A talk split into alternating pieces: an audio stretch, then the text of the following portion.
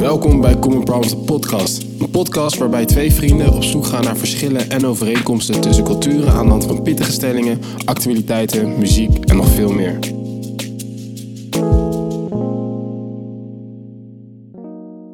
Yes, welkom bij een nieuwe aflevering van Common Problems de podcast. Mijn naam is Jordan en ik zit eh, vandaag weer in de Pieneman Studios samen met Hugo. De enige echte. Hoe is het? Het gaat goed met jou, Mattie? Ja, gaat goed man. Eh, we mogen niet klagen man. Eh, we zitten weer lekker, Pieneman Studios. Vorige week waren we in de Boudewijn Buugpad Studios. Maar het is toch wel even lekker om hier te zitten man. Warm en cozy, hè? Ja, zeker weten, zeker weten. En eh, ja, zoals alle luisteraars nu wel inmiddels weten, beginnen we een nieuwe aflevering altijd met de vraag: uh, wat is jou opgevallen deze week? En Hugo, wat is jou uh, opgevallen deze week? Ja, leuk dat je het vraagt. Ik had hem niet verwacht. nee, wat mij is opgevallen deze week is, um, is eigenlijk iets wat ik had meegemaakt. Omdat ik, ik was met mijn moeder een nachtje slapen in Rotterdam. Gezellig. We dachten, we gaan er gewoon eens even tussenuit met z'n tweeën. En um, toen zijn we eerst naar Den Haag even geweest. Toen in Hotel New York geslapen. Lekker gegeten daar. Wijn gedronken. Allemaal aan tafel. Netjes, ja, dus... Dat is de nieuwe versie van luxe tegenwoordig. Ja, maar zat je dan een soort van... Dan mag wel een restaurant, toch? Hotels. In hotels oh, in mogen hotels, restaurants. Ja. ja. En um, nou, we hadden sowieso die dag al samen toen met mijn moeder... Uh, zoals, zoals ik zei, heerlijk gegeten. En hele, hele mooie, diepe gesprekken gehad over dingen die ik ook nog niet, uh, ja, nog niet van haar wist. Of die we eigenlijk nooit echt hadden besproken. Kan je een voorbeeld geven misschien? Nou, gewoon um, een beetje reflectie. Want ze is dit jaar met pensioen gegaan. Een reflectie op, op haar leven eigenlijk. Van, weet oh, je, wat, uh, hoe kijk je op terug nu je die, die grote fase hebt afgesloten. En nu een paar maanden met pensioen bent. Wat, weet je wel, wat heeft je gelukkig gemaakt? Wat zou je willen veranderen? En wat ik heel leuk vond om te realiseren en dat is eigenlijk uh, wat mij is opgevallen deze week. Is dat je, uh, nou ja, ik heb mijn moeder al 27 jaar. en, uh, en dat je dus naarmate je ouder wordt, je steeds meer naar elkaar toe groeit. Of zeg maar, ik, jij natuurlijk meer naar, jou, naar jouw ouders. Of je, ja. of je geliefde, hoe je het wil noemen. En um, dat je daardoor, ook al word je ouder, ken je elkaar zo lang. Dat je dus wel nog steeds nieuwe dingen van elkaar blijft leren. Omdat je anders kijkt naar de inzichten die ze hebben. Oh ja, ja. Dus de, ja, komt ook wel een beetje, denk ik, toch als je erover nadenkt, dat op een jongere leeftijd heb je natuurlijk een bepaalde relatie met je ouders. En dat verandert gewoon over de jaren heen. En dat ligt ook een beetje aan of je er open voor staat of niet. Maar precies, het is wel precies. duidelijk dat jij daar wel voor open staat ook. Ja, dus dat was heel leuk. Wat, je, weet je, waar je, uh, wat ik ook merk dat je van... Kijk, ouders praten denk ik uh, vaak over jou als kind. En ja. minder vaak over hunzelf. Omdat die, die ja, relatie niet. Zo, zo. Ja. Um, en nu je wat ouder wordt, begin je daar steeds meer waardering voor te krijgen. En beginnen ook steeds meer vragen van mij te komen. Um, en daardoor vond ik het, ja, het was een heel, heel, heel mooi open gesprek. En dan denk ik toch van, wauw, ik ken je al zo lang. Maar we, we groeien, ik leer nog steeds meer dingen over je kennen en je nog steeds beter te begrijpen. Ja, sick man, eigenlijk. En hoe is dat eigenlijk ontstaan? Is dat gewoon, uh, hoe zeg je dat? Jullie gingen samen dan naar dat hotel toe en dan gewoon een dagje met z'n tweeën, gewoon moeder-zoon. We kennen het allemaal, maar dat is zeg maar een beetje organisch begonnen? Of was het van, nou, joh, maar hoe, hoe sta je er eigenlijk lekker in, weet je? Want vorige week hebben we het ook een beetje gehad over van, uh, de vraag van, ben je gelukkig of zo? Weet je, dat soort dingen. Is een beetje die hoek ging je er al in? Of is het echt organisch ontstaan?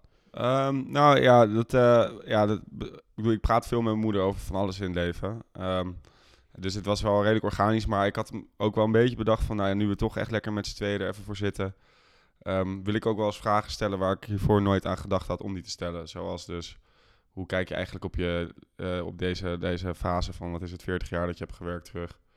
Um, zou, weet je, heb je het gevoel dat je het eruit hebt gehaald dat erin zit? Dat soort dingen. En uh, is er ook iets wat je hebt geleerd wat voor jezelf? Dat je denkt van dit kan ik meenemen voor mijn eigen carrière. We hebben het nu zeg maar dan over dat, uh, dat je moeder dan met pensioen is gegaan. Is er dan iets wat je denkt van oh, dit is iets wat ik uh, nog nooit echt over na heb gedacht en dit wil ik ja, wat voor mezelf voor gebruiken of zo? Um, nou, ik denk, ik denk wat, mij, wat mij opviel, en dat is natuurlijk ook door de situatie met mijn broer um, is dat er natuurlijk, ja, er was iets meer zorg en aandacht voor nodig. Ja. En wat mij opviel is dat um, zij dus misschien vanuit haar carrière, zeg maar, qua, qua, qua baan, zeg maar, of qua hiërarchie, weet je wel, niet, niet, uh, niet CEO is geworden. Ja. Um, maar dat zij wel zei van, wat ik er heb uitgehaald met, met de, um, de liefde die ik ook nog aan jullie wilde geven en moest geven en de tijd en aandacht, zie ik wel dat ik het maximale uit heb gehaald. En heb ik wel altijd bijvoorbeeld gezorgd dat ik heel leuk werk had. Ja. En dus ja, ze is dan niet, uh, nou, ze is niet als een carrière-tijger er doorheen geschoten. Maar ze zei van, vanuit haar opzicht heeft ze wel het maximale uit haar carrière gehaald. Ja, vind ik wel mooi. Dus Dus zij heeft eigenlijk gewoon... Is ze terug gaan nadenken van... Oké, wat vind ik eigenlijk belangrijk? Om zeg maar alle punten die ik op dat moment belangrijk vind... Dat ik dat maximaal kan doen. Dus ik heb een heel leuke baan. Altijd. Ik kan genoeg liefde te, ja, delen met mijn kinderen. En zo verder. Een beetje zo. Precies, nieuw. ja, ja. Dus dat, eh, nou ja, ze, dat is gewoon weer een heel nieuw perspectief eigenlijk op, op het hebben van een carrière of het hebben van een baan. Ja, Is dat je dus, iedereen denkt natuurlijk, zeker als je begint en jong en onbezonnen bent, van ik moet zo snel mogelijk hoger opkomen. ja daar zijn wij zeker ook eh, wel eh, Absoluut. schuldig aan, denk ik. Absoluut. Maar dat is, nou ja, je hoeft dus niet een, een, een, een vol gevoel te hebben aan het einde van carrière. Dat hoe- is niet een van de hoofdredenen om zeg maar dat gevoel te krijgen. Ja, is er dan nu een... eh, ehm, is dat dan nu ook iets waar jij het gevoel ook een overtuiging van hebt? Oké, ik weet dat jij vrij ambitieus bent. Is het dan ook daardoor dat je ambitie eh, een beetje gaat veranderen? Dat je denkt van, oh, daar heeft mijn moeder wel gelijk in. Ik wil niet per se... Niet zeggen dat je dat nu wel wilt, maar ook, ik wil niet per se over lijken alleen gaan voor mijn carrière. Maar dat je ook denkt van, hm, misschien doe, als ik één of twee trapjes lager ga dan wat ik misschien voor ogen had. En ik kan nog het maximale uit mijn leven halen naast mijn werk. Dat je dan denkt, dat klinkt nu ook eh, rooskleuriger. Of denk je, ik wil toch liever kijken, alles eruit halen in, in functietitel, om het even begripbaar te maken? Is dat een beetje... eh, Nou, ik denk, kijk, natuurlijk wat ik zei, bij, bij, bij mij, bij ons was het ook wel natuurlijk dat de bepaalde eh, familiesituatie het ook wel vroeg. ja, Ehm, die familiesituatie heb ik niet nu. Ik heb niet eens een familie in dat opzicht. ja, Als in- ja, nee, dat is zeker Ik waar. heb niet eens een vriendin. Ja, Dus daar hoef ik nog niet over na te denken. Maar het, is, het, geeft me zeker wel, eh, het gaf me zeker wel een, een nieuw perspectief wat me aan het denken zette. Ja. oh, mooi man. Dus dat is eigenlijk, eh, ja, samen, dat is eigenlijk voor mij eh, dat ik eh, nou, ja, toch weer mooie lessen heb geleerd. En ook dat ik dacht van, ik moet het ook even met mijn vader gaan doen. Ik moet het ook even met mijn broer doen. Ja, Dat je gewoon even één op één even de echte tijd ervoor neemt om eens met elkaar te gaan zitten. Want dat doe je toch niet heel vaak. nee, nee. Ik, als ik uit eigen, eigen ervaring eh, doe, ja, spreek eigenlijk niet echt. En ik denk dat dat ook wel een persoonlijkheidsding is, als ik het voor, bij mezelf betrek. Ik ben ook niet per se de beste persoon die altijd zeg maar, zo diep weet te gaan met juist de mensen die naast me, me naasten, weet je wel. En dat Maar- typeert jou weer wel. Maar daarom zou het juist, denk ik, een eh, tipje van Hugo Jor. Ja. aan, aan, aan de luisteraars trouwens ook.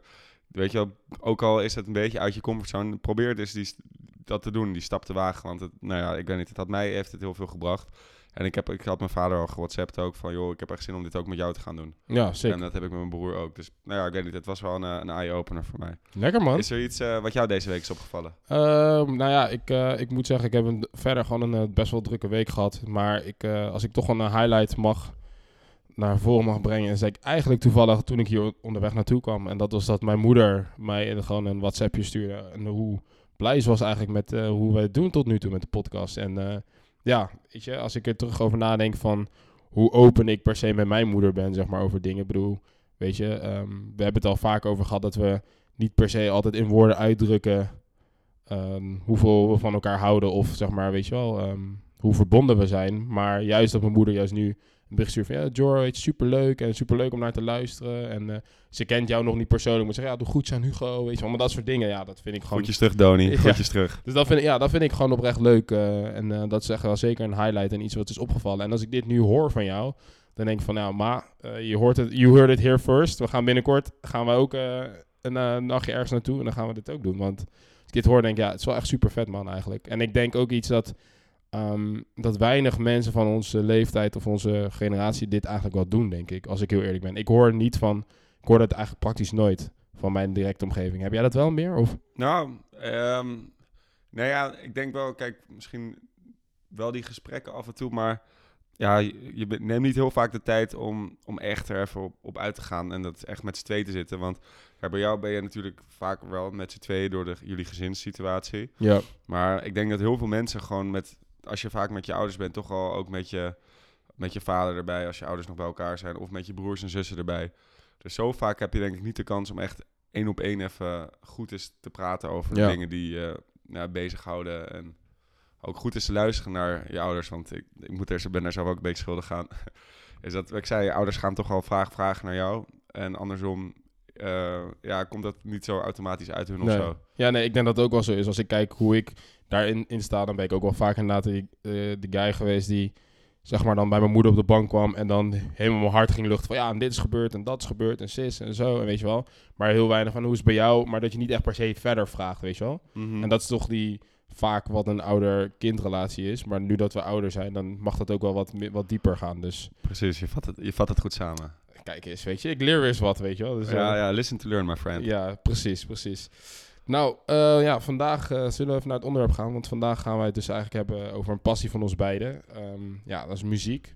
We weten allebei dat het echt een hele breed begrip is. Maar we willen er toch een keer echt eigenlijk over gaan praten. Weet je wel, van... eh, ja, wat, wat drijft jou tot, tot het luisteren van... Of tenminste, waardoor komt, komt die passie? Waar komt het vandaan, weet je wel? Dat soort eh Ik heb er erg veel zin in. Het is, eh, zoals je zei, een onderwerp wat, eh, wat ons beiden aan het hart gaat en wat een grote rol speelt in ons leven. Ja, en als ik voor mezelf mag spreken, dan denk ik ook zeker dat, dat wij allebei een, een, heel ander, echt een hele andere relatie hebben met muziek. Wat uiteindelijk ook wel tof is om over te praten. Dus laten we dan maar gewoon direct beginnen. Weet je, wat, wat is de relatie die je hebt op muziek en hoe is die ontstaan?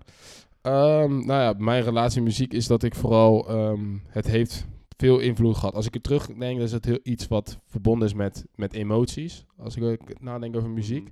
Dus muziek, wat ik fijn vind, is dat je bijvoorbeeld, hè, als je wat minder, als je eh, verdrietig bent, luister je verdrietige muziek. Als je blij bent, dan kan je blij muziek. Als je, als je zin op te schuren, dan doe je even schuurmuziek, weet je dat? Maar vind je dat niet fucking grappig? Ik ken het helemaal. Dat je echt gewoon denkt van... Ik zit er even niet lekker in. Laat ik even een nummer zoeken wat dat nog erger gaat versterken. ja, En het is heel chill. Ik denk dat elk mens hier schuldig aan is. ja, 100%. maar ik kan echt dat je echt even jezelf even lekker zielig wil voelen. Mm, eh, Ja. eh, Dat je nog bijna nog neemt met de spenen in je mond en dat je als een baby foetus zeg maar, op, de, op, op bed ligt eh, ja, man. Te janken. Ja, nee, ik, ik, als ik bijvoorbeeld nadenk, bijvoorbeeld Frank Ocean, die eerste album, ja. Weet je, dat was er zitten ook best wel zielige nummers op. En dat was dan toen der tijd, weet ik veel. Hoe oud zou ik zijn, zijn geweest? Ja, denk eh 18 of zo. Dat je dan nog soort van met emoties dan iemand verliefd bent geweest. En dat dat dan niet goed is gegaan. En dan zit je een soort van zielig dat te luisteren. En dan ga je nou, weet ik veel, ga je uit. En dan heb je opeens echte partymuziek. En dan ben je weer extra blij, weet je. Dus dat, Mhm. dat vind ik echt tof aan muziek.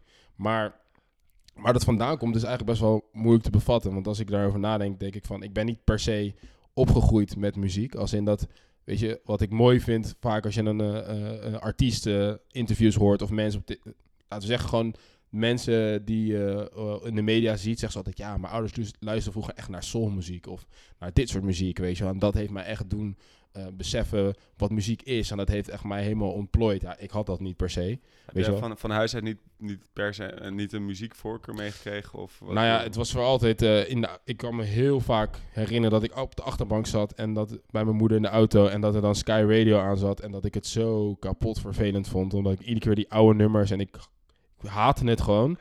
Maar als je nu dan ouder wordt, diezelfde nummers die je haat op Sky Radio, nu denk ik, oh, dat is die ene van toen, eh, Phil Collins, oh, weet je wel, eh, weet je, dat soort dingen, dat is dus best wel gek. En, eh, maar als ik dan na, terugdenk over wat voor muziek echt ehm, ehm, toch, toch de boventoon heeft gevoerd, denk ik toch eh soca music. Ik weet niet of je dat kent. Dat is een ik, beetje, ik, ik ken dat niet. Kan je er wat Ja, meer over vertellen? ja, het is een beetje Caribische muziek. En zo hoort ook bij carnaval. En dat is een beetje uptempo, weet je wel, dansmuziek. Dat is zeker wel een voorkeur van mijn moeder en vanuit mijn familie. Dat als ik voor naar Sint Maarten ging, als je de radio aandoet, was dat al gelijk de muziek dat je altijd hoort. Als je mijn ooms met de auto, weet je wel, die hebben al een USB-sticky met soca muziek, weet je wel. En dan tegenwoordig, dan nu met de telefoons connected. Maar ehm, nou, als ik moet nadenken over wat voor muziek ehm, echt van huis uit mee heb gekregen, is dat het wel, man. En hoe zit het bij jou eigenlijk?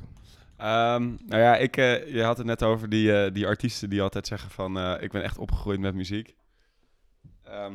Ik, ben, eh, ik ben die vervelende man die dat ook gaat zeggen dan. ja, ik, eh, Ik ben niet verbaasd. Nee, mijn, eh, mijn, ja, mijn, mijn ouders houden heel erg van muziek beide. En mijn vader heeft ook een hele lange tijd een, een disco gehad waar hij DJ was. Oké, Ja, ja. Young hè? Ik heb het niet van een vreemde. Ja, heel vet. en ehm, dat, die heeft hij echt zijn hele student van zijn, volgens mij 8, 9 jaar gehad. Ehm, dus nee, daar, daar, ja, daar, zit, daar komt natuurlijk wel, als je een, DJ bent in je eigen disco, dan heb je wel een passie voor muziek. Ja, nee, 100%. Ehm, dus dat, die is er eigenlijk altijd geweest. En het is, eh, maar wat wel heel grappig is om te zien, is dat mijn ouders een hele, hele andere smaak hebben eigenlijk. Waar ik als ik aan mijn vader denk en aan muziek, dan denk ik dus of aan die disco-knallers. eh, Ja. Crying in de discotheek, Alcazar, dat soort werk. Ja, ja, ja. Ehm, maar bijvoorbeeld ook eh, Ehm, is eh, John Lennon, The Beatles, eh, is Neil Young. Ik ben denk ik wel acht keer naar een Neil Young concert met hem geweest. Heel vet. Ehm, Bob Dylan, nou ja, weet je, de Ramones. eh, gewoon echt, ja, echt gitaarmuziek. Ja, gewoon, puur, gewoon artiesten puur zang gewoon. Ja. Ja. Ehm, terwijl mijn moeder is, als ik daaraan denk, het eerste, de eerste naam die me opkomt is Marvin Gaye, tweede Diana Ross. Dus dat is echt die, die soul juist Ja. en, de- en de Motown. Ehm, om, een- om een voorbeeld te geven, dit is eh, een van de lievelingsherinneringen van mijn moeder en ik moet er zelf ook altijd om lachen, maar ik kan het zelf niet meer herinneren. Is dat zij zei, eh, had altijd de Motown CD aan, altijd. En we zaten in de auto en op een gegeven moment zet zij Marvin Gaye aan en ze kijkt, eh, nou, ze, ze, ze- nou, wij zingen gewoon mee. En ze kijkt naar mij en ik was vier jaar oud, helemaal inge, ingebukkeld, weet je. Ja. En eh, ze kijkt zo aan en ze ziet gewoon zo'n jongetje van vier hoogblond. Sexual healing. Meezingen. Toen moest, Wauw. ja, toen moest ze heel hard lachen. En ehm, Ja, dat kan ik me wel voorstellen, wat.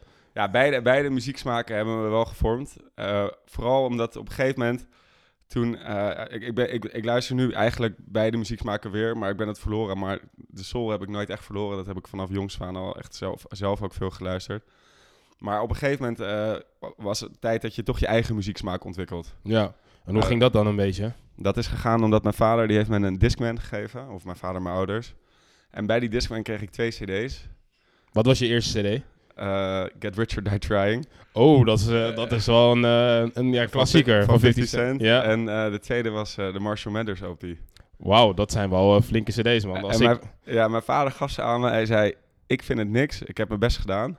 Ja. Maar ik denk dat jij het wel heel vet vindt. En hoezo denk je dat hij dat eh, heeft gegeven dan? Ja, gewoon, hij, ja, hij kende me blijkbaar. Bedoel, als je Goed. kijkt naar de cover van eh 50 Cent, Get Rich or Die Trying, zie je gewoon een eh, imposante man met een kogelvrij vest. Weet je wel, en een kogel, letterlijk een kogel door het glas. Dan kan ik niet echt voorstellen als je ja, vader denkt van, oh, nou, dit is wel iets voor mijn zoon Hugo. Ja, dat heeft, hij, dat heeft hij nooit aan me uitgelegd. Maar hij voelde dat blijkbaar. En hij, eh, ja, het was ook een schot in de roos. Want hip-hop is daarna is dat mijn main, mijn main muziek geworden. En ik, ik luister tegenwoordig echt bijna alles weer.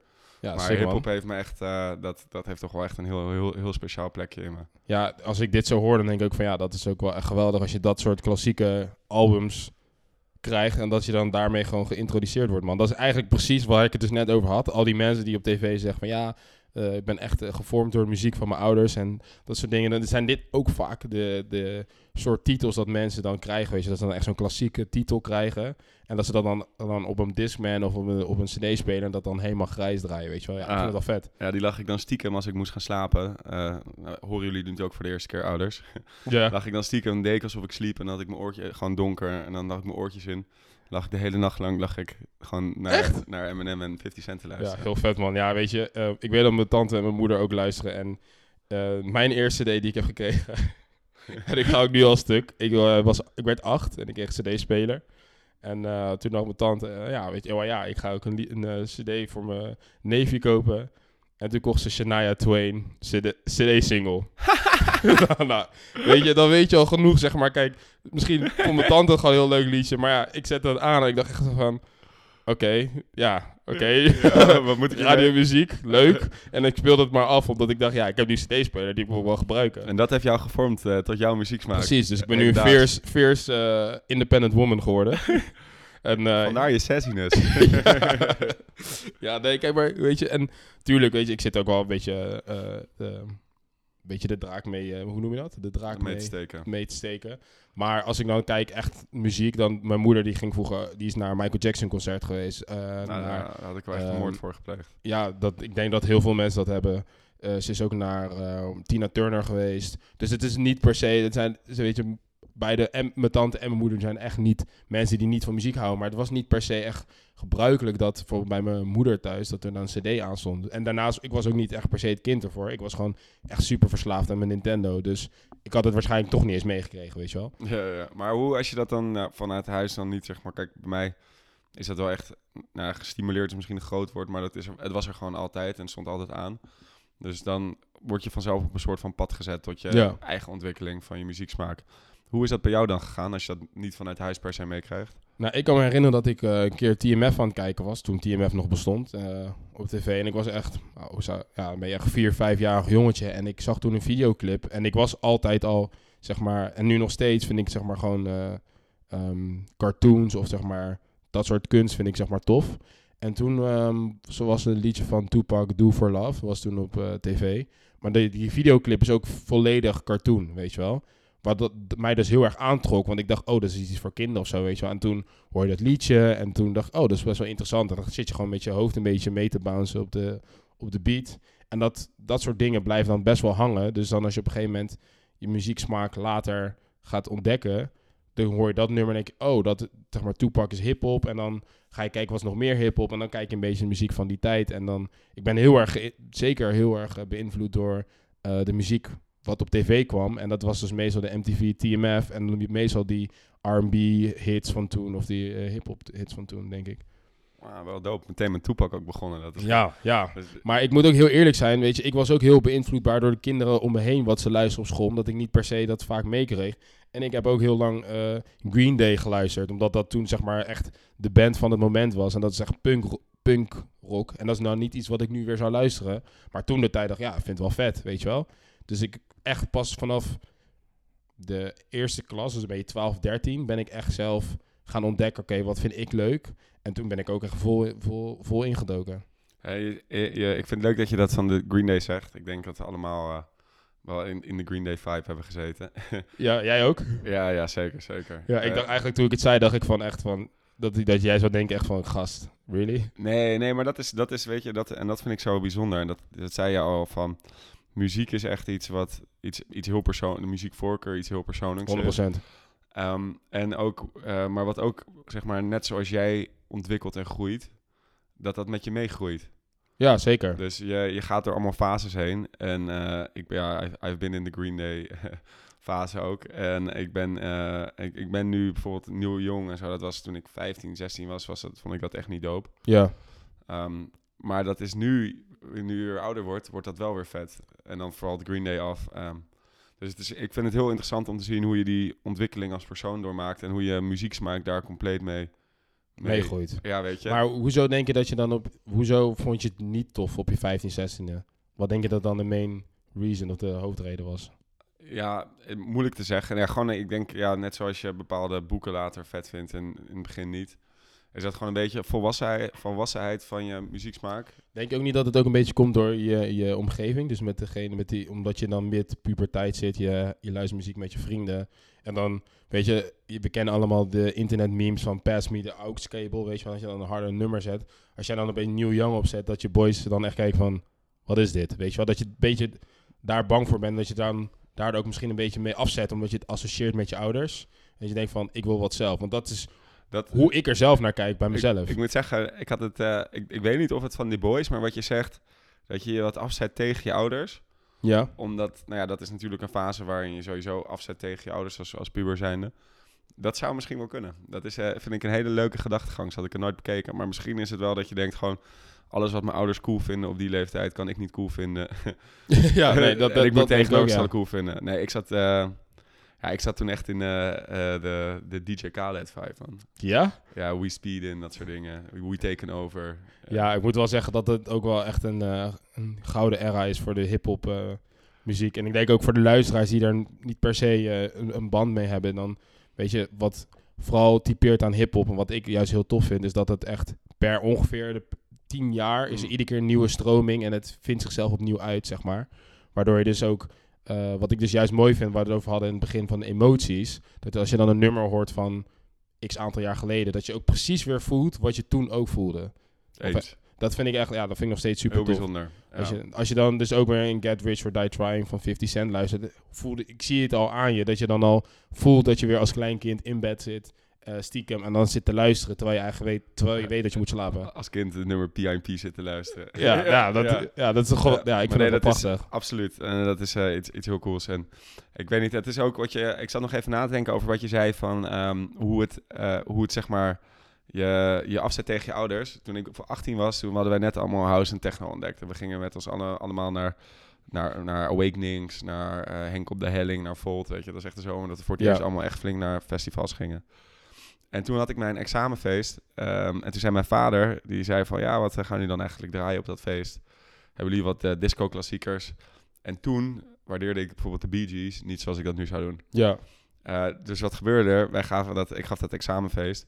En die, die, die DJ draaide gewoon de hele avond keiharde house en techno. serieus? Op je examenfeest? Ja, man. en mijn ouders die hadden allemaal vrienden uitgenodigd. En die zaten daar een beetje bij. En die zaten van, ja, wat, weet je, wat is dit voor muziek? Hoe moeten we hierop dansen? Ehm, en toen vond ik dat heel vet. En, en ik weet dat, weet je, dat was ook echt een leuk feest. En al mijn vrienden zaten ook echt van, wauw. Later dacht ik, wat nu met hindsight van... Het was natuurlijk veel leuker geweest. eh, Ook met, zeker omdat er ook veel ouders zijn. Maar wat ik zelf nu ook veel leuker zou vinden... is als je dus wel gewoon alleen maar Bee Gees, Alcazar... eh, en dat zou hebben op je muziek. Dus toen eh, op Wat je iets feest... meer dansbaar muziek. Ja, in ieder geval, ja, ja, gewoon iets meer dansbaar. Gewoon veel, veel gezelliger eigenlijk. Ja, ik wou het zeggen, want als je het doen, doen, ja. Dat zitten die ouders ook, ook inderdaad. Ik kan me wel voorstellen dat ze erbij zitten van, yo, ja, ze hebben wat gaande? Ze hebben op een gegeven moment gewoon niet echt zeiden, ja, is dit dan waar jullie op partyen? Eh, toen gaf ik, heb ik, twee jaar geleden heb ik ook een groot feest gegeven. Toen wel dus deze muziek. En nou, dat was echt zo, zo lachen dat je gewoon met je ma staat te dansen en met je, met je pa, weet je. En dat hij eh, met, z'n- die met zijn jaren 70 moves opeens uit de Ja. klas kwam. En toen dacht ik wel van, wauw, het is wel, wat jij zegt, die, die journey die je meemaakt in je ontwikkeling, die komt uit dat soort momenten, kan je er heel goed het verschil erin zien, hoe je steeds volwassener bent en ook steeds meer waardering gaat zoeken in de, in de, de, de klassieke tijdloze nummers. Ja, nee, ja, ik, eh, ik, ja, ik vind het ook wel on, zeg maar. Ik, ja, ik vind het nog steeds bizar dat je inderdaad dan dacht... ik ga house of techno muziek, eh, zeg maar, luisteren op mijn examenfeest. Want ik, daarom was ik ook best wel verbaasd. Ik dacht van, oké, interessante keuze. Maar ja, als, ik kan me ook heel goed begrijpen als je daarin zit... dat je dat dan ook echt eh plat draait. Ja, ik zat toen de tijd had ik heel erg in de Yellow Claw. Nou, dat is ook niet per se een hele andere Ik- soort stroming. Dat Ik, wou gewoon- net zeggen, dat is ook niet de meest gezellige Nee, muziek. precies, weet je wel. En dan, natuurlijk zat er dan wel eens toen nog met eh, de Ronnie Flex en de Busy's. Dus had je nog wel de, de teksten die dan nog een beetje hip-hop teksten, weet je wel. Maar ik kan me heel goed voorstellen dat ouders het niet echt per se lachen zouden vinden als wij daarbij eh, bij stonden, weet je wel. Ik denk niet dat mijn ouders heel blij waren geworden van een Yellow Claw par- party, nee. Nee, daarom. Dus, ja, dus ik kan me dat eigenlijk best wel goed begrijpen. En ehm, ja, zou je dan eigenlijk ook... ehm, hoe zou jij, als je zelf nu eh, een kind krijgt, weet je wel, en eh, diegene is dan, eh, nou, het kind is dan oud genoeg om een beetje muziek te beseffen, zou je dat dan ook heel erg juist stimuleren? Dat je denkt van, of een beetje ja, stimuleren als wat je ouders hebben gedaan, of zou je het nog actiever doen, of denk je van, laat maar los? Ik zou, ik, nee, ik zou, ik zou het zeker stimuleren. Ehm, ik zou gewoon, weet je wel, beginnen met R&B, soul, dan langzaam opbouwen naar hip-hop. Wel misschien nog eerst de clean versions. Toch wel, ja? ja, ja, ja. Maar, maar en ik zeg maar ook, ook, ook eh, andere stromingen, weet je wel, dat je je kind wel blootstelt. Je- Kijk, je kind hoeft niet dezelfde muziek als jij tof te vinden. Nee. Maar eh, dat je je kind ook een beetje blootstelt aan, aan wat daar is. Bijvoorbeeld mijn vader heeft me altijd aan Nirvana veel geluisterd ook. Oh, vet. En eh, ja, dat vind ik nu, weet je, dat is, dat is iets wat ik altijd vet heb gevonden. En dat, dat blijft gewoon. Ja. Ehm, dus dat is een beetje, ja, je ouders hebben wel een hele bepalende rol. En wat ik wel zou doen, en dat hebben mijn ouders hebben het geprobeerd bij me. ehm, en ik, dat was mijn eigen puberale koppigheid, vrees ik. ehm, eh, is dat ik ze op muziekles zou zetten. Zo, dit echt, ik koos zijn dit echt volledig. Zeg maar, mijn ouders hebben me wel eens op een gitaarcursus gezet. Maar ik voelde niet echt. En ik denk gewoon dat, ja, je moet dat gewoon, dat moet gewoon een beetje gepusht worden door je ouders. En die moeten ook gewoon zeggen van, ja, jij vindt pianospelen niet leuk, maar over twintig jaar ga je het wel vet vinden. Geloof me. I've been there. Ja, nee, ik, denk, ik, denk, ik ben het daar helemaal mee eens. En ik denk ook, eh, om op, op in te springen, zeg maar... Mijn moeder zei altijd tegen mij, ja, je hebt echt goede pianovingers. Al zeg maar lang, smal. Dus dan kan je heel goed piano spelen. Ik zie jou kijken naar mijn handen. Ik weet, ik heb mooie handen, Huug. Prachtig. En, eh, en ik was ook te koppig toen de tijd. Dat ik dacht van, nee man, ik wil... Ja, ik, wat ga ik een pianoles doen, weet je? Dat is ja, saai man. Eh, piano, wie luistert daarnaar, weet je wel? En ik denk, wat je vaak hoort van de, de mensen die ik ken die wel muziekles hebben gevolgd... dat is nog op een jongere leeftijd dat je dan echt gaat ontdekken, ook bijvoorbeeld met sport en zo, weet je. Dat je dan 6, 7 bent en dat je dan die eerste sport gaat doen. Of dan die eerste muziekles. Maar als je dan al 12, 13 bent, dan denk je al, ben je al iets opstandiger. En dat was ook toen bij mij in de tijd. En nu heb ik er nog steeds spijt van dat ik het nooit heb gedaan, weet je wel. Ik kan me goed herinneren dat ik dacht... En ik denk dat, we, dat heel veel eh, mensen van onze generatie die van hip-hop muziek houden, dat je op een gegeven moment de- denkt, weet je wat? Ik ga producer worden. Dat je gewoon random denkt, ik ga producer worden. En dat je denkt, oké, ik ga een keyboard regelen. Oké, check, gefixt. Oké, ik ga een laptop regelen met eh, Fruity Loops. Dus zeg maar zo'n eh, eh, tool waarmee je muziek kan maken, weet je wel, beats kan maken. Heb ik ook geregeld, check. En dan toen za- zat ik daar dus met mijn, met mijn, keyboard en mijn laptop en met die programma's. Ten eerste, ik kon niet aansluiten. Ten tweede, ik kon niet eens piano spelen of zo, weet je, of keyboard spelen. En toen dacht ik echt van, ja, shit man. Weet je, waarom heb ik er nooit wat mee gedaan, weet je wel? Nu wil ik het ineens gaan doen. Had je dat ook zoiets? Of klinkt dat niet, totaal niet herkenbaar? Nee, dat klinkt heel herkenbaar. Eh, tenminste, niet de, de Fruity Loops en zo, dat, eh, dat gedeelte niet helemaal. Maar wel dat ik echt bij mezelf nu zit van... Zeker nu ik het, zeg maar, mijn- echt mijn passie voor muziek heb ontdekt. En ik ga ook, weet je, ik ga eh, voor corona, dan ging ik bijna elke maand in ieder geval, maar bijna elke week al naar een concert. En ik, als ik dat dan zie, dan vind ik dat zo vet. En ik vind het zoiets bijzonders dat die mensen of gitaar of drum of wat dan ook kunnen spelen. En dan denk ik echt bij mezelf van, dit, dit had ik nou gewoon graag... Ik had daar natuurlijk graag gestaan, dat ten eerste. Ja. Maar ook al ook gewoon graag... Ik denk als je namelijk een instrument kan bespelen... dat je nog beter kan begrijpen en waarderen... wat die artiest, zeg maar, Nee, 100%. zeg maar klaar aan het spelen is daar voor je ogen. En dat, dat, dat mis ik wel erg. Aan de andere kant doe ik het... Ik, het is niet dat ik nu les volg of zo, in alle eerlijkheid. Nee. Ja, Ja, dat ik- kan nog, weet je. Ik bedoel, laten we vooral zeggen, het kan. Ik heb een vriend van mij, die is op een latere leeftijd keyboardles gaan volgen, omdat hij dat gewoon tof vond. En die doet het volgens mij nog steeds. Dus het kan sowieso. Maar ik denk dat we ook wel weer, ja, ik, ik in ieder geval, dat ik wel denk van, ja, ik heb daar geen tijd voor, dus laat maar zitten, weet je wel. Zet hem misschien even op het lijstje hobby's voor 2021. Ja, ik vind het een goeie. Let's go. Ja, we, hebben, we hebben nu al hobbypodcast, zijn we niet mee bezig. Ja, Ja, ja. Volgend jaar gaan wij onze eigen intro inspelen met keyboard. Oké, bereid je voor, luisteraars. Bereid, bereid je voor. Ik weet niet of de Eh. mensen daar blij van worden. Waar, waar we het al een beetje over gehad hebben, eh, en dat is nog zeker iets wat ik graag met je zou willen bespreken, is, ehm, is de, zeg maar, nou, de rol van muziek natuurlijk, die, eh, die je in, je in je opvoeding hebt gehad of hoe je bent opgegroeid. Maar hoe, hoe is jouw verhouding tot muziek als in, zeg maar, ehm, waar, waardeer, wanneer waardeer je muziek het meeste? Hoe gebruik je muziek in het dagelijks leven? Begrijp je een beetje wat ik bedoel? Nee, als jij misschien een voorbeeld geeft. Nou ja, kijk, bijvoorbeeld, eh, je zegt van als ik verdrietig ben, luister ik verdrietige muziek, toch? Ja.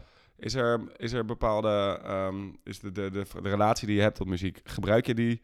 eh, wanneer gebruik je die? Zeg maar als ik, nou ja, je hebt natuurlijk bijvoorbeeld, ik ga sporten, ik zet eh, een bepaalde lijst aan. Ja. Ehm, maar ik kan bijvoorbeeld ook, als ik me moet concentreren, kan ik ook gewoon muziek gebruiken. Als ik ehm, me soms wil uiten naar iemand, kan ik een nummer sturen. Oké, ja, nee. ehm, ik ben daar niet heel erg mee bezig, als ik heel eerlijk ben. Ik heb het meer van bijvoorbeeld als het maandag is en denk, oké, nieuwe week, we gaan weer knallen deze week. Dan zet ik een bepaalde playlist waarbij ik gewoon lekker met een, in ieder geval een hogere ritme en dat ik in ieder geval goed geconcentreerd kan werken, bijvoorbeeld. Ehm, als ik inderdaad ga sporten en ik heb er niet per se zin in, dan doe ik eh, muziek weer aan dat me ook weer eh, ja, gets me going, weet je. Of het met een harde bas of een eh, hoog tempo, dat ik in ieder geval eh, kan knallen. Maar ook als ik bijvoorbeeld ga koken, dat ik dan wat iets rustiger muziek opzet, weet je, om gewoon een let- lekkere vibe te zetten, zodat iedereen, zeg maar dan in dit geval mijn vriendin, die dan op de bank zit, dat ze ook lekker rustig is, dat je een beetje ontspannen bent, weet je wel. Dat, dat, dat is misschien de diepste relatie die ik heb meestal met muziek. Maar ik heb niet per se dat ik denk van, oké, ik kan me niet uiten, dus dan stuur ik zeg maar een, een, een, een nummer zo naar iemand. Maar dat komt ook omdat ik, ik luister vooral naar het geluid en ik ben niet per se iemand die heel erg teksten volgt. Bijvoorbeeld, want ja, weet je, wat het mooie is aan muziek is dat mensen, de, de artiesten zichzelf kunnen uitdrukken of andermans verhaal kunnen uitdrukken. Wat geweldig is. Maar voor mij, ga, vaak zijn het Engelstalige nummers. En die teksten gaan voor mij gewoon te snel om dat te kunnen vertalen. Ja, ik vind dat heel vervelend, maar zo werkt dat bij mij. Dus dat heb ik dus ook als jij bijvoorbeeld die quotes vertelt. Dat is ook waarom ik een soort van lachen over doe van ja, wat bedoel je? Want ik begrijp hem niet. Maar is omdat het te snel gaat of voor mij eh, om dat gelijk te kunnen vertalen en denk oh, dit betekent. Snap je dan wat ik bedoel? Mhm, maar dat is dan zeker bij hip-hop zou dat wel een soort van, nou problematisch niet, maar dan bij hip-hop is natuurlijk juist heel veel tekst heel Ja, snel. heel veel tekst en heel snel. Maar daarom luister ik juist heel vaak naar beats. En als die beat echt lekker zit, dan vind ik het echt heel chill. En dan, naarmate ik het vaker luister, dan kan ik dus op een gegeven moment woorden of zinnen ehm ja, meerappen in dat geval. En dan begrijp ik het iets meer waar het over gaat. Maar ik, weet je, ik vind het ook weer te veel moeite om de nummers die ik echt doop vind, om dat dan altijd Rap Genius erbij te halen, weet je, om dan alle teksten te volgen. Terwijl ik weet dat heel veel mensen dat wel doen, omdat ze echt Ik- willen ik- weten waar ik- gaat het Ik over. ben zo iemand. Ja, nee, ik bedoel, ik, jij bent zo iemand, maar ik ken nog zat andere mensen die er, ook, eh, die er ook zo in zitten. En dat vind ik dan toch net iets te veel moeite. Dan, dan denk ik van, ik luister ernaar omdat ik het gewoon echt chill vind klinken. En als het dan gaat over, weet ik veel, eh, eh, negatieve dingen of positieve dingen of dingen waar ik niet mee, mee te maken heb op het daily basis, denk ik, ja, weet je, het maakt me niet zoveel uit. Maar dan zet het dus, dan eh, is dat muziek is van jou dan, als ik het, als, zeker als het afgaande op de beats, gaat dan echt, echt op, het, op, echt op rauw, op gevoel af. Ja, 100%. Als ik er een goed gevoel bij heb, dan denk ik, oké, dit blijft. En als het dan uiteindelijk een controverse of iets is dat ik denk, oei, misschien toch niet zo, eh, zo top, dan denk ik, dan skip ik het. Maar dat is niet per se alleen met hip-hop, maar dat is met alle muziekstromen. Ja, nou ja, ja. Nee, ik denk eh, dat dat... Kijk, het gevoel wat je natuurlijk, wat een nummer bij je oproept, dat heeft iedereen. Eh, en dan is inderdaad, de, de tekst kan, is een soort van diepe of tweede laag erop, als je het zo wil zien. Ja. Want dat gevoel, dat vind ik wel echt altijd zo bijzonder. Dat je, ehm, nou ja, dus aan je, aan je emoties, maar bijvoorbeeld ook muziek in een, in een film, weet je, als van Hans Zimmerman of Enrico Morioni. Die, Ken eh, ik niet, dat- maar Dat ik- zij, zij maar, zo, Enrico Morioni is laatst overleden. Die maakt die, ehm, eh, die western muziek. Oké, ja. En weet je, zo iemand is, het, die kan zo goed de, de, de, de, de, de vibe, de, de hele setting, puur door de middel van de muziek die hij kiest, kunnen zij die hele vibe en die hele setting creëren, waarin je meteen herkent van, oké, weet je wel, we zitten in een western, eh er Ja. gaat een shoot-off komen. Ehm, en daar kan ik me echt, eh, dat vind ik zoiets knaps, net zoals Hans Zimmerman, die heeft bijvoorbeeld Batman gedaan, Interstellar. Ja. Eh, en die, die kunnen dus met muziek zetten zij al een hele een bepaald creëren zij een heel beeld waar je meteen herkent van oké dit, dit gaat je dit, dit is waar we zijn of in een horrorfilm voel je al aan van oké Dit is het dit moment is het dat ik- moment dat ik moet weg gaan weg, weg Ja. gaan kijken Ja, nee, maar dat vind, dat vind ik oprecht ook vet. Maar dat is dus inderdaad, dat is ook mijn relatie misschien, dat ik dat gevoel wel voel, maar dat ik er niet, ik ben er niet bewust mee bezig of zo, weet je wel. Dus van, oké, wat betekent het nou eigenlijk? Want Mhm. wat, als, dat, als het voor jou wel zo is, dan is er, zijn er dan, ehm, zijn er dan ook bepaalde onderwerpen die jou dan extra doen genieten van een nummer, weet je wel? Of moet het echt een combinatie van, van zijn? Want ik, ik, wat ik altijd had, en vooral dan eh, ga ik weer terug, terug naar de hip-hop. Dus sorry voor de mensen die niet naar hip-hop luisteren. Ehm, ja, sorry. Maar bij, ehm, wat ook vaak was, en wat voor mij een discussie was, dat vaak mensen dan naar hip-hop luisterden, echt met een message, weet je wel, met een, met een verhaal. Maar ik kon daar gewoon niet in komen, omdat ik dat die, de, het gevoel niet fijn vond. Omdat ik, ehm, het was gewoon boom, tss, boom. En dan vertelt iemand een verhaal, wat meestal wel prachtige verhalen zijn. Maar ik luister niet om naar het verhaal, want dan ben ik te, veel mee bezig. Ik luister gewoon omdat ik dat fijn vind. Snap je wat ik bedoel dan? ja ik snap het ik snap het ja de- ik, ik luister wel eigenlijk altijd naar het verhaal Onbe- onbewust pak ik het al op Ja. Ehm, en dat is, ik bedoel, sommige nummer, ik, die, een nummer hoeft niet een goed verhaal te hebben om een goed nummer te zijn.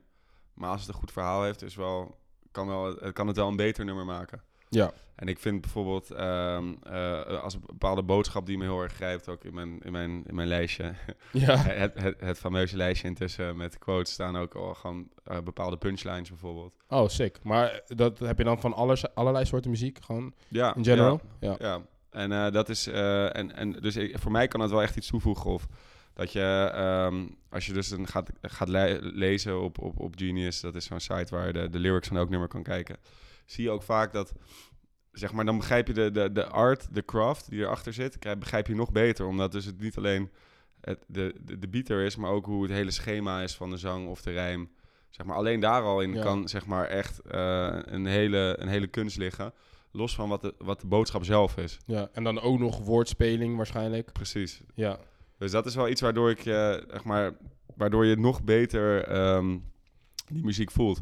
Aan de andere kant, als ik bijvoorbeeld eh, Franse muziek luister of Italiaanse muziek, heb je geen idee wat ze zeggen, nul. Nee, inderdaad. Maar toch kan je daar echt, eh, weet je, kan je helemaal door gegrepen worden. Maar dan is het toch bijvoorbeeld dan heel erg in gevoel, weet je wel? Bedoel, Absoluut. Een, een van mijn favoriete nummers is... ehm, weet je, ik ben, ik ben niet goed in Frans, dus als iemand hè, een Franse luisteraar is, toevallig... eh, sorry. Van al onze internationale luisteraars. ja, inderdaad.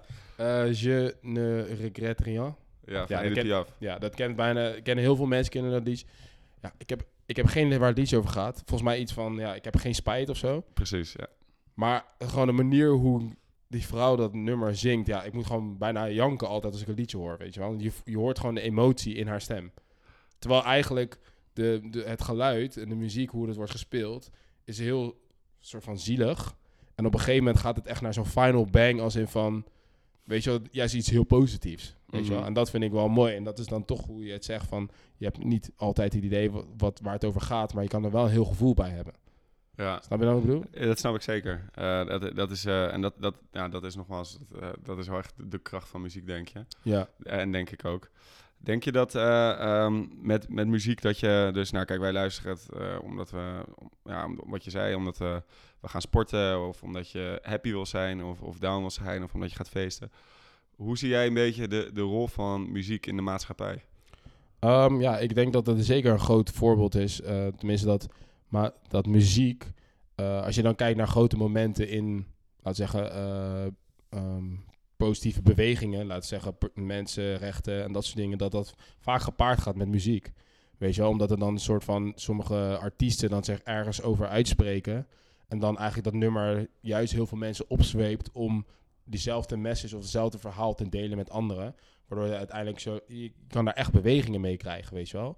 En het kan ook juist heel erg eh, mensen helpen die ehm, een bepaald probleem hebben. Dat als iemand, een, een, een bekend artiest daarover zingt of over, ze in ieder geval muziek over maakt, dat mensen er, zich daar ook aan op kunnen trekken, weet je wel. Dat is ook de reden waarom wij eh, zielige muziek luisteren als we zielig zijn, weet je wel. Als jij zit te, te janken over een eh, ex-geliefde of zo en je luistert een liedje over een ex-geliefde, maar dat de artiest uiteindelijk eh, veel sterker eruit komt, dat is dan ook een maatschappelijke rol van het nummer, weet je. Want dan, dus al iedereen die dan een heartbroken thuis zit, die gaat dan heel lang huilen. Je gaat het misschien even verwerken van de emoties, maar dan uiteindelijk als de message is van, weet je wel, je, je, bent, eh, je bent sterk genoeg om in je eens te zijn of whatever.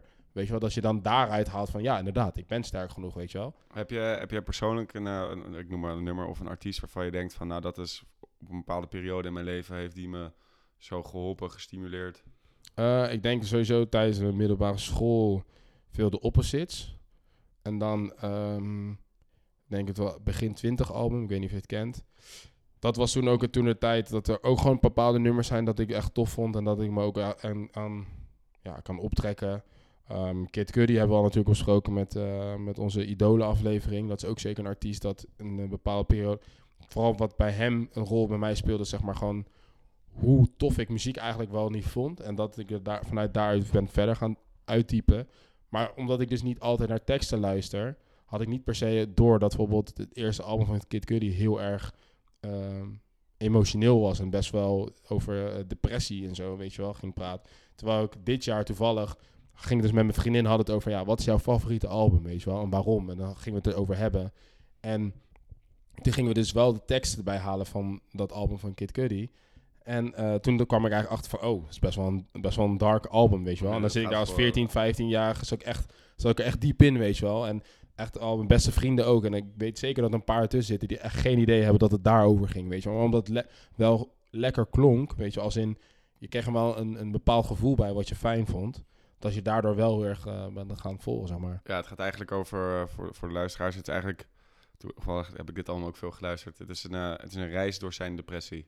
Ja, weet je, en dat, ik was echt verbaasd toen ik, toen ik dat eigenlijk hoorde.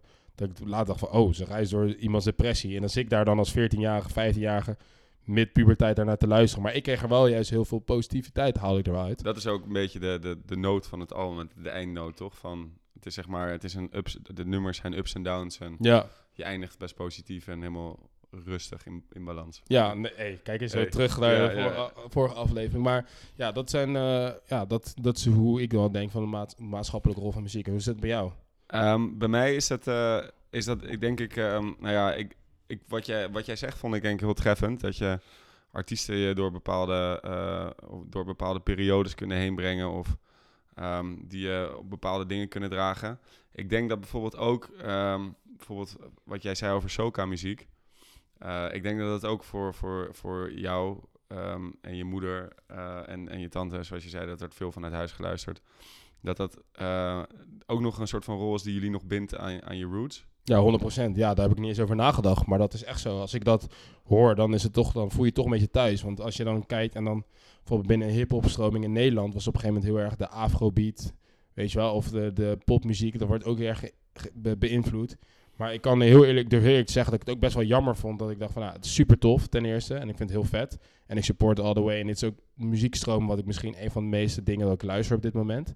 Maar dan dacht ik ook wel van, ja, het zou wel leuk zijn als ze dan ook een beetje soca muziek in het, zeg maar, pop, pop wordt. Zou je ik bedoel dat dat ook een Dat- beetje mainstream wordt? dat mensen gewoon jou, om het tussen aanhalingstekens te zeggen, muziek eh, mee in aanraking komen. En ook Ja, precies. En dan denk ik, oh, dat is ook vet. Weet je, is ook leuk om te, te dansen in de zomer, weet je wel. Maar misschien komt dat nog, weet je. Ik denk dat het ook wel misschien gaat gebeuren. Je Maar zei dat je nog eh, een, eh, een instrument wilde oppakken, muziek maken wilde oppakken. ja, dat- wij niet de, de zomerhit van 2021? eh, ja, let's go, weet je. Ik pak een steelpen erbij en hoor je ting, ting, ting, ting, ting, ting, ting, ting. Ja, weet je, dan, let's go, weet je. Jij op de voorgrond in zo'n mooi, eh mooi bikini pakje met zo'n eh, tooi op je hoofd. ah ja, ik, eh, ik zou dat met liefde voor je doen. hè. Ja, ik nou, kan me voorstellen dat dat eh, heel, veel, heel veel kijkers oplevert. Ja, en dan misschien wordt dat dan nog inderdaad een hit. Ja, je weet het Hugo, niet. Hugo in bikini. nee, dus ik denk, ik denk dat, eh, dat muziek daar heel erg kan helpen. En Ik, wat ik bijvoorbeeld, ehm, bijvoorbeeld met, met Black Lives Matter zag ook, is dat ehm, bepaalde nummers die werden gedeeld, Ja. ehm, dat die ook op straat, weet je, die maakten echt wat los onder de mensen. En dat was ook meteen de, de boodschap van Black Lives Matter geworden. Ja, zeker. Eh, en ik denk dat dat, dat een hele, hele goede, bijzondere rol van muziek kan zijn. Is dat het namelijk, waar ik had erover nagedacht. En weet je wat het mooie is van muziek? Kijk, het, ja, dat klinkt een beetje zweverig wat ik nu ga zeggen. Maar ja, zijn we van je gewend, Hugo. Dus iedereen, iedereen spreekt zijn eigen taal. En daar komen, ehm, daar komen niet... Daar, ja, daar, daar- als jij in, in, in een ander willekeurig land bent... kan je vaak niet met die mensen communiceren. Mhm. Maar er is eigenlijk één taal die elk mens spreekt en dat is muziek. En waar je ook, waar je ook komt over de wereld, ehm, als jij muziek opzet, begrijpen mensen wat je wil, weet je wel, wat de uiting daarvan is. En heb je in één keer een connectie met mensen. Ik heb echt, ik, nou, ik, ben, ik heb redelijk wat gereisd. En of ik nou in, in Zuid-Korea was, of in Mozambique, of in eh, Colombia, zeg maar, je zet muziek op en mensen weten wat je wil. En iedereen Ja. begint te dansen en te lachen. En het is één grote gezelligheid. En ik denk dat dus muziek de, de belangrijkste rol die ik zie als muziek van de maatschappij is verbindend. Wauw, ja, ik, eh, ik vind die prachtig, man. Het, is, het, het, het verbindt alle mensen. En het is ook iets, weet je, het is ook niet iets nieuws of zo. Het is niet, muziek bestaat al sinds de mens bestaat. Ja, 100%. Eh, Ja. En het is natuurlijk veranderd en er zijn eh, dingen bijgekomen. Eh, en er zijn dingen, ongetwijfeld bepaalde muzieksoorten die nu niet meer echt worden beoefend. Maar of je nou bij de Aboriginals gaat kijken, ehm, of in, eh, in, in Azië, of in, eh, in welke, welke cultuur ook. Ze hebben allemaal hun eigen soort instrumenten. eh, ze hebben allemaal hun eigen. De muziek heeft allemaal een rol in hun samenleving. En dat is gewoon iets super vets. Trouwens, over Aboriginals even een leuke side note. Eh, muziek bij hun is echt is, het alle, is, het- is heilig. Ehm, Hoe dat dan? ja, dat ga ik even uitleggen. Het, het is iets heel cools namelijk. ik heb er een boek over gelezen en eh, Aboriginals die gebruiken geen kaarten van, van hun land. Ja. Maar, ehm, en ze hebben ook geen, geen rechten op, op hun land. Maar zij, zij zingen hun land. Dus ik zie je nu fronsen. Wat houdt Ja. dat in? Eh, zij, zij zingen, wat zij zien, zingen, ze, daar zingen zij over. Oké. Dus ehm, als jij een, en ook en het hele land, heel Australië in dit geval, is beschreven in één lied in totaal. En elke Aboriginal heeft een stukje lied Ja. en al die liedjes samen maken het lied. Maar hoe weten ze nou wat de- het begin is en wat het einde is en wie wanneer is? Dat ga ik je uitleggen. En dat stukje lied, dat is dus, eh, dat staat gelijk aan een stuk land. Ja. Dus elke, iedereen is de beheerder van dat land Ja. en, en dat stukje lied. En ehm, dat lied dat loopt door en dat wordt verzongen, dat wordt gezongen in meerdere talen. ja.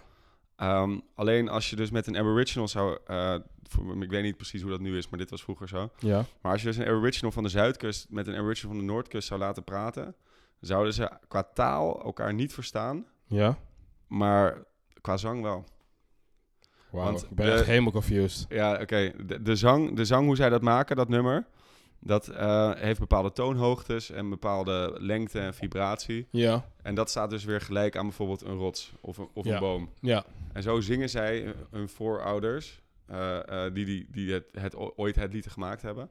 Zo zijn ze allemaal verantwoordelijk voor dat stukje en behoeden ze elkaar. En als zij dus naar elkaar toe komen en ze gaan erover zingen, dan begrijpen ze ook van waar ze vandaan komen. Lijp. Maar hoe weten ze dan alsnog hoe dat, het nummer dan bij elkaar... Want uiteindelijk is het één lied, toch? Het dus, is één lied. dus hoe weten ze uiteindelijk dan wie een stukje...